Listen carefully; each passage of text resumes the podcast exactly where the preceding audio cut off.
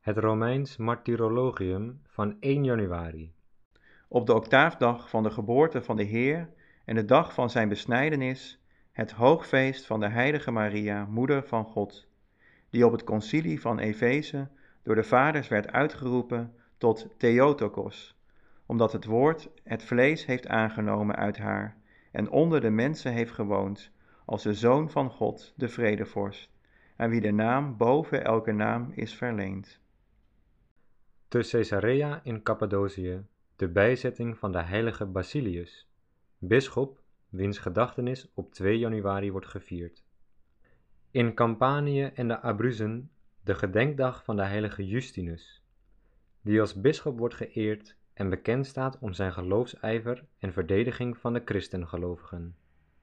Te Rome de heilige Almachius, die wegens zijn verzet tegen de gladiatorenspelen juist door gladiatoren werd gedood op bevel van de stadsprefect Alipius, en die men als martelaar rekent tot de overwinnaars in de strijd. In het Jura-gebergte in het toenmalige Gallia Lugdunensis de gedenkdag van de heilige Eugendis, abt van Condat, die reeds vanaf zijn jeugd leefde in het klooster, waar hij het gemeenschap leven van de monniken met alle ijver bevorderde.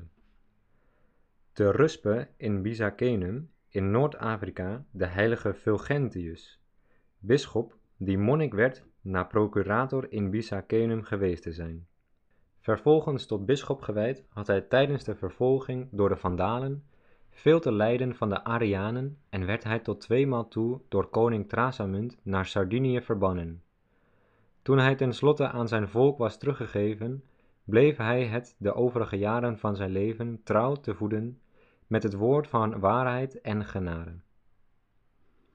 Te Vienna in het toenmalige Bourgondië de heilige Clarus, abt van het klooster Saint-Marcel, die de monniken een voorbeeld gaf van godsdienstige volmaaktheid. Te Troyes in Neustrië in het huidige Frankrijk de heilige Frodobertus, stichter en eerste abt van het klooster van Montje-la-Chelle. In het klooster van Fécamp in Normandië het overlijden van de heilige Wilhelmus, abt van de heilige Benignus van Dijon, die aan het einde van zijn leven krachtig en verstandig leiden gaf aan talrijke monniken, verspreid over veertig kloosters. Bij Sauvigny in Bourgondië het overlijden van de heilige Odilo, abt van Cluny, die streng was voor zichzelf, maar zachtmoedig en barmhartig voor anderen. Hij bracht de godsvrede tot stand tussen oorlogvoerende partijen en in tijden van hongersnood bracht hij op allerlei manieren verlichting voor de noodlijdenden. Ook was hij de eerste die in al zijn kloosters de gedachtenis van alle overleden gelovigen instelde op de dag na het feest van alle heiligen. Te Jablon Vipodiestidi in de Bohemen de heilige Sidislava, moeder van een gezin die voor de bedroefden een grote troost was. Te Gualdo Tadino in Umbrië de heilige Hugolinus, die een kluizenaarsleven leidde. Te Rome de heilige Jozef Maria Tomasi, priester uit de orde van de reguliere clerici, in de volksmond Theatijnen genoemd, en kardinaal, die vurig verlangde naar een vernieuwing van de goddelijke eredienst en bijna zijn hele leven besteedde zowel aan het opsporen en uitgeven van de oudere teksten en documenten van de heilige liturgie, als ook aan de catechese voor kinderen. Te Afrille bij Angers in Frankrijk de zalige broeders Johannes en Renatus Lego, priesters en martelaren. Toen de Franse revolutie in alle hevigheid woedde, weigerden zij de goddeloze eed af te leggen die de geestelijkheid was opgelegd, en werden onthoofd. Te Rome de heilige Vincentius Maria Strambi, bisschop van Macerata en Tolentino, die behoorde tot de orde van de Passionisten. Op heilige wijze bestuurde hij de bisdommen die hem waren toevertrouwd, en vanwege zijn trouw aan de paus van Rome werd hij verbannen.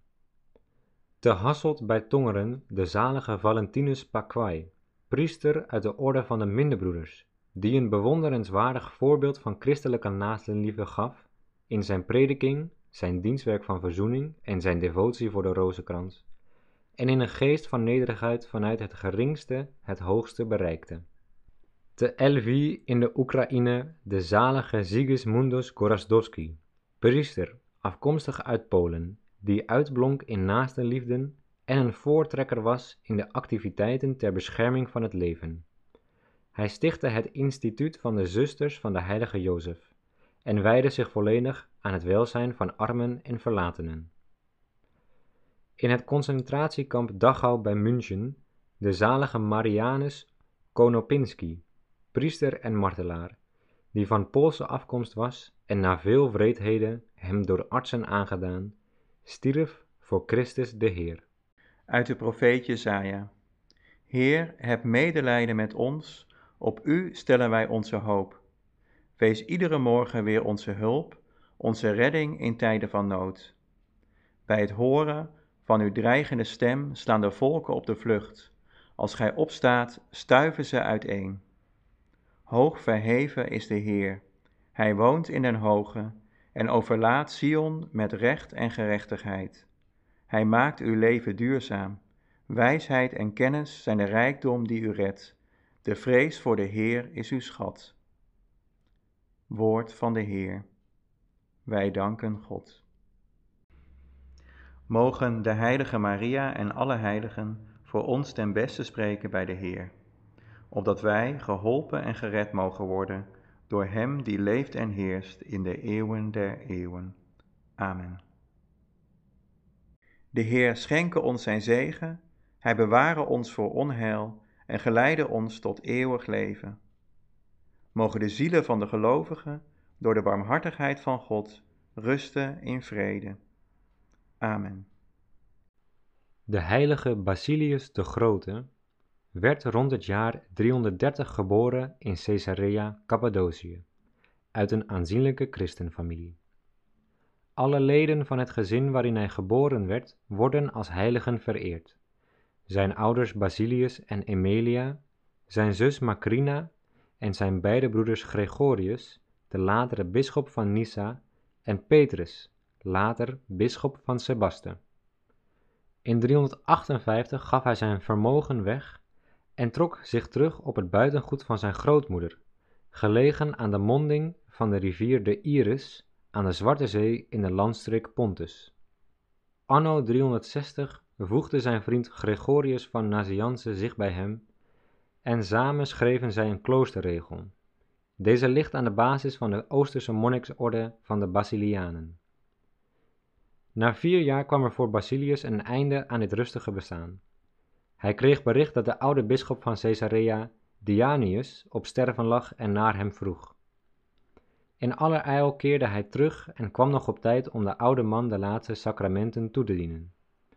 Na zijn begrafenis maakte hij zich op om weer naar huis te gaan aan de Zwarte Zee. Maar Dianius' opvolger, bisschop Eusebius, wijde hem tot priester en vroeg hem nadrukkelijk in zijn buurt te blijven om de pastorale zorg voor de christenen op zich te nemen. Basilius begon vol overgave aan zijn nieuwe taak. Daarbij zette hij zijn sobere levenswijze voort en stichtte opnieuw een klooster. Gaandeweg groeiden er spanningen tussen Basilius en zijn bisschop. Om een uitbarsting te voorkomen trok hij zich andermaal terug in zijn klooster aan de Zwarte Zee.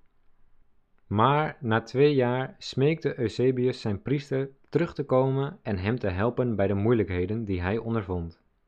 Want intussen was de macht en de arrogantie van de ketterse Arianen aanzienlijk groter geworden. Erger nog, keizer Valens bleek zelf een fervent aanhanger van deze ketterij en had ze tot staatsgodsdienst verheven.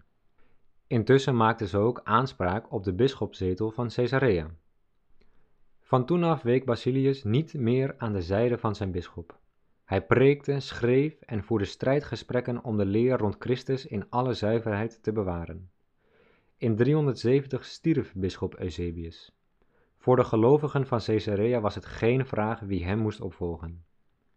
Onvermoeibaar droeg Basilius zorg voor de zuiverheid van de leer, voor de vorming van een goed onderlegde, maar vooral religieus levende geestelijkheid en voor de eenheid van zijn gelovigen. En dat alles onder voortdurende bedreigingen van zijn tegenstanders, die alles in het werk stelden om hem verdacht te maken. S'morgens en s avonds hield hij voor de verzamelde gelovigen zijn predikaties, die enorm populair waren. De menigte stroomde in een zulk grote getale toe, dat hij zelf in zijn geschriften soms spreekt van een mensenzee. Daarnaast vond hij nog tijd om aandacht te besteden aan armen en hulpbehoevenden. Daartoe stichtte hij in de stad een gasthuis voor armen, daklozen en zieken. Intussen zag keizer Valens met ledenogen toe hoe zijn Ariaanse invloed in dat gebied steeds meer afbrokkelde door toedoen van Basilius. Hij zond een gezantschap naar de bisschop met de bedoeling hem naar Constantinopel te ontbieden en hem daar voor het gerecht te slepen, menend dat hij hem wel ergens van zou kunnen beschuldigen. Maar ondanks de steeds ernstigere bedreigingen van het keizerlijk gezantschap, weigerde Basilius zijn post te verlaten. Toen besloot de keizer zelf daar naartoe te gaan. Met de grootst mogelijke pracht en praal verscheen hij in Caesarea, in de hoop dat niet alleen de gewone mensen, maar ook Basilius en zijn medestanders door dit alles overdonderd zouden worden en in zouden binden. Maar het tegendeel was het geval. Basilius bleef waardig overeind in alle strijdgesprekken en kwam zelfs aan het eind als overwinnaar uit de strijd tevoorschijn. De keizer kon zijn bewondering voor de moed en de innerlijke overtuiging van zijn tegenstander niet verbergen. Nu genoot de kerk in die streek enige tijd rust, maar de tegenstanders bleven gedurig op de keizer inwerken, en uiteindelijk gaf deze bevel dat Basilius in verbanding moest worden gestuurd.